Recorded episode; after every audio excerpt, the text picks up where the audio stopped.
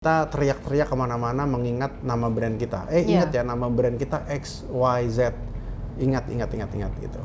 Tapi ada orang yang sebenarnya sangat kuat sekali dia menawarkan sebuah produk yang misalnya katakanlah uh, bicara soal uh, uh, bicara misalnya bicara untuk uh, apa tuh namanya uh, lose weight itu apa? Uh, Apa namanya? Uh, slimming gitu Oke. misalnya gitu ya. Oh, eh, produk untuk eh, ini diet. Gitu. Ya, diet Oke. produk misalnya gitu ya. Uh, mungkin dia nggak tahu nama produknya, dia nggak tahu nama brandnya, tapi dia ingat produk itu karena itu terbukti. Jadi dia akan Ya. bilang begini, eh itu apa ya produk yang waktu itu kita coba itu bagus banget deh. Aha. Dia akan cari tahu lebih dalam. Ya, ya. Jadi ketika kita bermakna, uh, maka konsumen atau market tuh akan mencari kita tuh siapa nama kita Oke. dan akhirnya uh, akan lebih mudah buat kita. Dibandingkan kita teriak-teriak gembur-gembur, eh nama kita A ya, nama kita Y ya, nama kita Z ya, beli produk kita. Smart Business. Hai Smart Listener, senang banget kita jumpa kembali dalam podcast Smart Business. Dan kali ini saya kembali mengajak Anda semuanya berbincang bersama dengan sosok yang selalu dekat dan berusaha untuk mencari value, bahkan kemudian tidak berhenti sampai di situ, tetapi membagikan value. Saya bersama-sama dengan Mas Arto Biantoro. Hai! Merdeka. Merdeka. Nah, kali ini di di seri yang ini kami mengajak Anda untuk membahas mengenai top of mind dan top of mind. Nah, mungkin banyak sekali produk-produk yang sekarang ini kita tahu ya, semuanya berkejaran, semua berlomba, semua berkompetisi untuk menjadi yang nomor satu, diingat, di mind. Tetapi jarang kita temukan produk-produk ini atau brand-brand ini yang kemudian berusaha untuk menjadi top of Min. Apa maksudnya? Kita akan bahas. Mas Arto. Sebenarnya nggak salah. Nggak salah? Uh, Oke.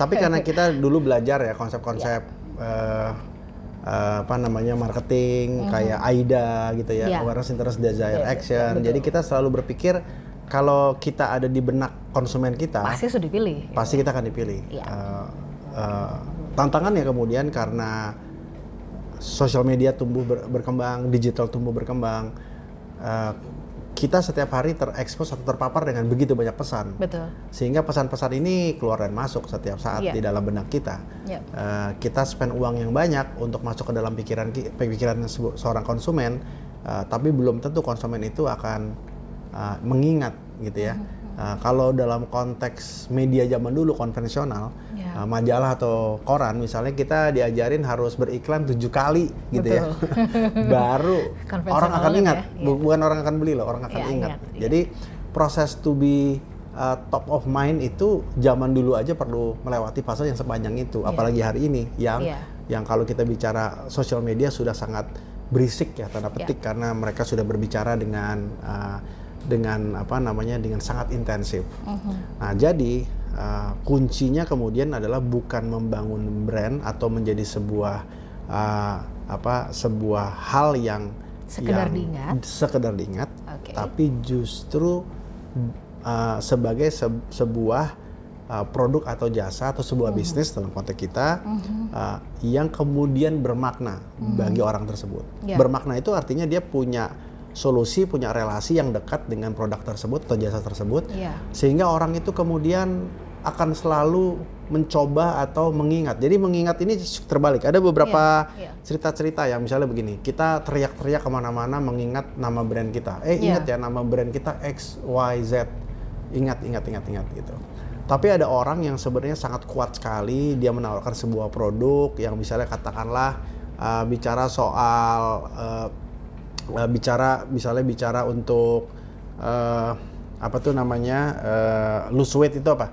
Uh, Apa namanya uh, slimming gitu Oke. misalnya gitu ya. Oh, eh, produk untuk eh, ini diet. Gitu. Ya, diet Oke. produk misalnya gitu ya.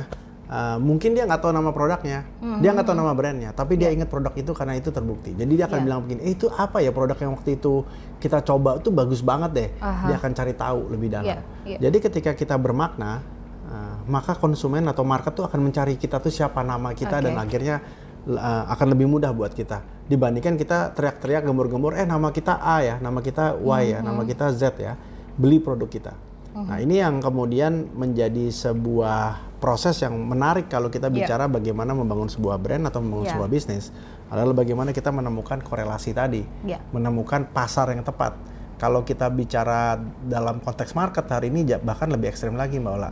Kita nggak bicara market yang seluas-luasnya, tapi market yang sespesifik-spesifiknya. Hmm. Oke. Sehingga kemudian market yang spesifik itu punya relasi dengan uh, si brandnya sendiri. dengan si brand itu sendiri. Sehingga ketika relasi terbangun, maka brand itu menjadi bermakna. Ya. Ketika dia bermakna, dia punya potensi untuk meningkatkan sales atau revenue.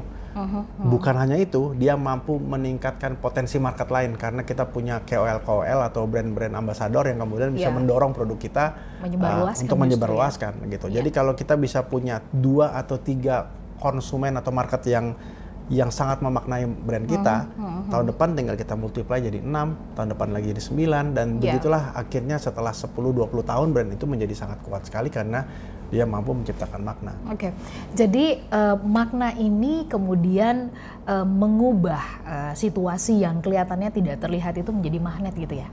Yes, Dia akhirnya memiliki tepat. magnet. Iya, kalimatnya. Menarik ya, Oke. sih? Ya kan jadi magnet ya. Tapi persoalannya gini, bagaimana untuk sebuah brand eh, bisa bermakna? Hal apa yang dia harus eh, kedepankan gitu sehingga kemudian kehadirannya dirasakan oleh si konsumen itu bermakna. Ya, saya selalu cerita ini berulang-ulang ya. Ehm, dan sebenarnya menemukan makna itu yang memang paling sulit. Tapi sudah ada rule of thumb-nya, sudah ada guidance-guidance-nya. Paling gampang kita ambil apa yang disampaikan oleh Perserikatan Bangsa-Bangsa ketika PBB. mereka mengeluarkan SDG, Sustainable Development Goal. Itu adalah 17 permasalahan di dunia Ya. yang kita bisa pilih sebagai eh, medan pertempuran kita. Jadi ketika kita membuat produk untuk tadi misalnya katakanlah uh, healthy product karena kita ingin membahas isu kesehatan. Ya. Ketika kita membuat sebuah produk berbasis makanan, kita ingin uh, membahas isu pengentasan kemiskinan dan kita harus cari uh, titik-titik kreativitasnya ada di mana ketika kita ingin menjawab itu. Uh, dan itu salah satu bentuk saja yang kita bisa lakukan untuk memilih menemukan makna tadi. Hmm, hmm, Oke. Nah, eh, balik lagi nih mungkin yang sering kali eh, apa dirasakan oleh para pemilik brand brand lokal, pelaku UKM dan UMKM yang menganggap bahwa nggak penting juga sih mas soal makna atau nggak makna begitu. Karena ujung-ujungnya yang sekarang ini harus dikejar itu adalah bahwa produk yang saya keluarkan ini kemudian bisa menghasilkan. Nah, ini mengubah yang seperti ini, pandangan yang seperti ini bagaimana sih Mas Harto? Merdeka. Jadi uh, selalu ada kiri, selalu, Selalu ada kanan. kanan. Oke. Uh, ada orang-orang yang berbisnis dengan tujuan untuk membuat dunia ini lebih baik. Ada orang-orang yang berbisnis uh, tidak ingin membuat apa-apa kecuali dirinya sendiri. Tapi ada juga yang kemudian dari proses ini dia akan pindah ke sini, gitu ya. Uh, dan itu bagian dari perjalanan hidup seseorang. Jadi kalau tadi pertanyaan itu ya nggak apa-apa, nggak apa-apa sama sekali karena uh, dunia punya banyak pilihan. Iya. Dan biasanya proses-proses seperti itu akan terbangun lewat waktu. Seorang wirausaha yang lebih senior, lebih pengalaman, lebih punya kedalaman, di satu titik dia akan menyadari itu dan kemudian dia akan membuat kebijakan-kebijakan itu. Tapi ada juga yang enggak. Jadi kalau menurut kami sebenarnya eh, lebih penting ketika kita kemudian memberikan begitu banyak opsi Oke. dan kita yakin opsi kita adalah opsi yang uh, mem- memiliki unsur-unsur kebaikan dan biasanya opsi-opsi yang seperti itu uh, akan menjadi bagian dari proses tadi. Sangat sulit untuk mengubah paradigma seseorang ya, makanya nggak nggak penting juga ketika kita bilang oh kamu harus berpikir seperti ini. Nah itu Iya. proses yang nanti akan dialami sendiri oleh yang bersangkutan. Perjalanan hidupnya akan menentukan dan membawa dia ke titik yang seperti ini atau juga tidak. Oke. Jadi itu kembali kepada pilihan. Iya, Mas Harto ada eh, lagu pop yang mungkin sangat terkenal sekali, Ari Lasso. Mungkin smart listener tahu ya. Yang dia bilang kalau ingin memenangkan hati perempuan sentuhlah dia tepat di hatinya gitu. Nah, ini eh, untuk menjadi bermakna itu juga gitu nggak sih? Sampai kemudian menyentuh ke soal rasa, perasaan begitu, Mas Harto. Iya, selalu kalimat yang disampaikan oleh oleh eh, mentor-mentor saya juga bilang ya mulai dari diri sendiri lah. Kita Oke. dari mulai diri sendiri, kita mengubah orang di sebelah kita, mengubah Iya. orang lagi yang ada di sebelahnya dan akhirnya Iya. kita menjadi jadi besar. Nah, proses menjadi besar itu adalah soal momentum. Kapan momentum besar itu nggak ada yang tahu. Mau orang yang paling ahli sekalipun juga nggak tahu.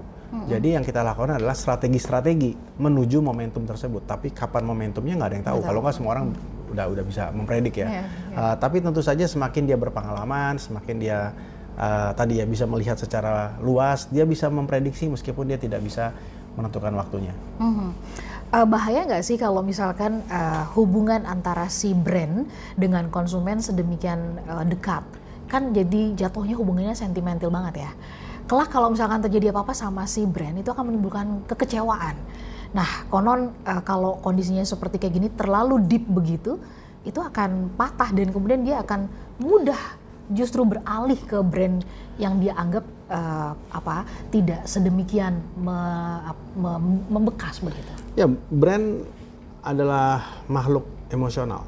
Brand dari awal adalah sebuah tool yang sangat emosional. Oke. Brand tidak pernah rasional, Hmm, ya kan? oke. Tidak pernah rasional. Itu perlu digarisbawahi Kenapa ya. orang harus ngantri nonton atau beli produk ini dua hari Jadi- sebelum produk itu launching? Iya juga Nggak, ya. masuk akal kan? Iya, Padahal kita nunggu aja nanti setahun kemudian kita baru beli. Iya, Tapi nggak iya. mau saya mau jadi yang pertama. Kenapa? Nah, dan itu keputusan yang sangat Hmm. rasional. Kenapa kita harus membeli produk A, B, dan C?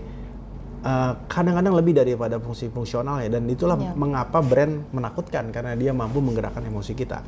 Oke. Nah, esensi terbesar atau yang paling yang paling uh, powerful dari sebuah brand sebenarnya bukan meningkatkan penjualan, Mhm. tapi mengubah pola pikir. Bayangkan kalau kita punya hubungan yang tadi ya sangat dekat sekali dengan konsumen kita, kita bisa bilang begini, eh mulai besok jangan buang sampah plastik. Hmm. Kalau dia sangat dekat dengan brand itu dia akan melakukannya. Oke. Eh jangan pernah beli baju-baju yang karakternya seperti ini karena itu Iya. malah merusak pencemaran lingkungan.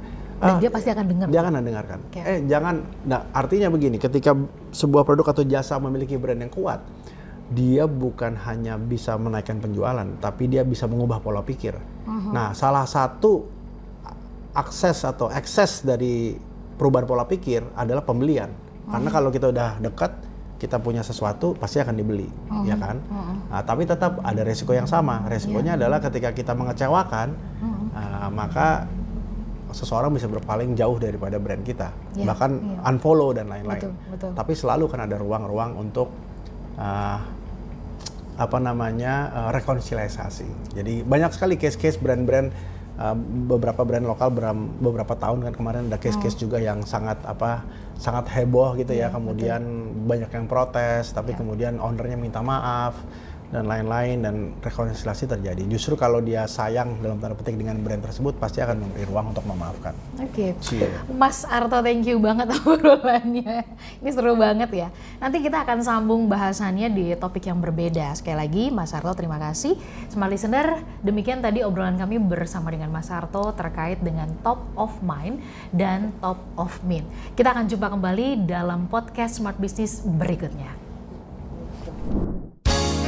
Smart Business. Lead you better.